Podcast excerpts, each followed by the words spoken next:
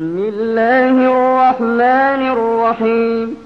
عبس وتولى أن جاءه الأعمى وما يدريك لعله يزكى أو يذكر فتنفعه الذكرى. أما من استغنى فأنت له تصدى.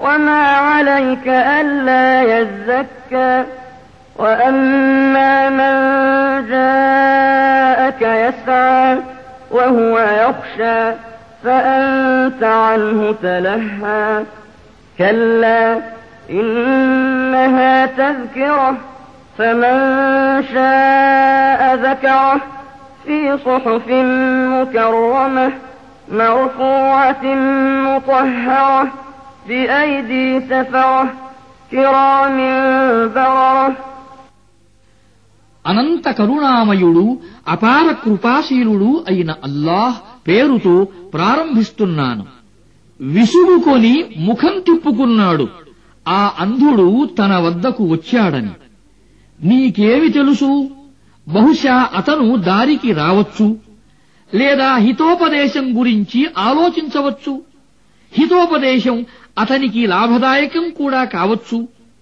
లక్ష్య పెట్టని వాడి పట్లనైతే నీవు శ్రద్ధ చూపుతావు. వాస్తవానికి ఒకవేళ అతడు దారికి రాకపోతే దానికి నీపై బాధ్యత లేదు కదా. ఎవడు తనంతట తాను నీ వద్దకు పరుగెత్తుకుంటూ వస్తాడో దేవునికి భయపడుతూ ఉంటాడో అతని వైపు నుండి నీవు ముఖం తిప్పుకుంటున్నావు.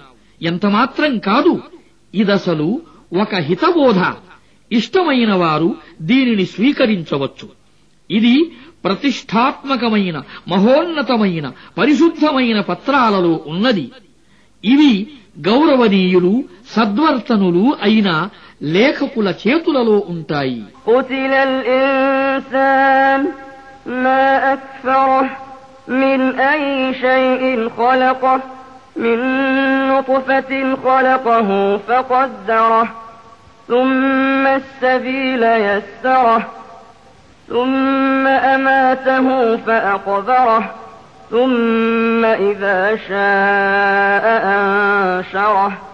كلا لما يقض ما أمره فلينظر الإنسان إلى طعامه.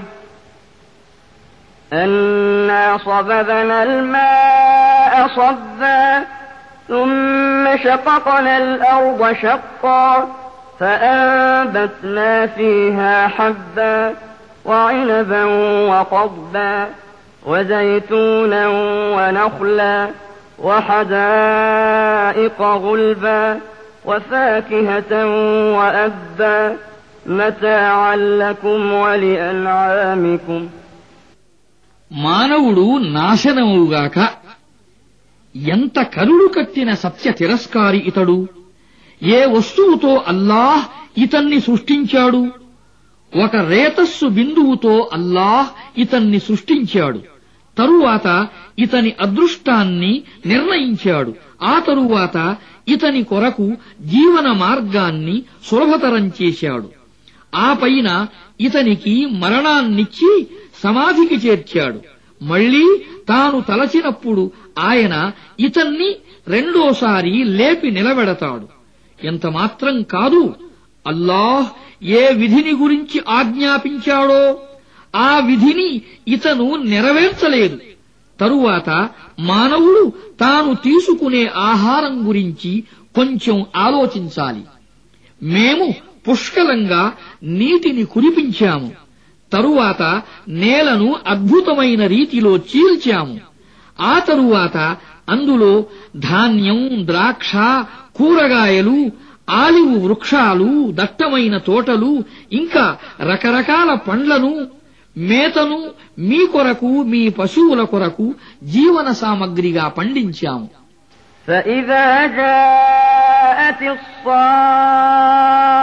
الصاخة يوم يفر المرء من أخيه وأمه وأبيه وصاحبته وبنيه لكل امرئ منهم يومئذ شأن يغنيه. وجوه يومئذ مسفرة ضاحكة مستبشرة. ووجوه يومئذ عليها غبرة ترهقها قترة أولئك هم الكفرة الفجرة చివరకు చెవులను చెవిటివిగా చేసే ధ్వని ఉద్ధృతమైనప్పుడు ఆ రోజున మనిషి తన సోదరునికి తన తల్లికి తన తండ్రికి తన భార్యకు తన సంతానానికి దూరంగా పరుగెత్తుతాడు ఆ రోజున వారిలో ప్రతి ఒక్కరికీ తమను గురించి తప్ప ఇతరుల్ని గురించి పట్టించుకోలేని ఆపత్సమయం వస్తుంది. ఆ రోజున కొందరి ముఖాలు దేదీప్యమానంగా వెలుగుతూ ఆనంద పారవస్యంతో నవ్వులు చిందిస్తూ ఉంటాయి. కొందరి ముఖాలు ఆ రోజున దుమ్ము ధూళి కొట్టుకుని ఉంటాయి. వాటిపై నల్లని మసి ఆవరించి మాడిపోయి ఉంటాయి. వీరే సత్య తిరస్కారులు దుర్మార్గులు.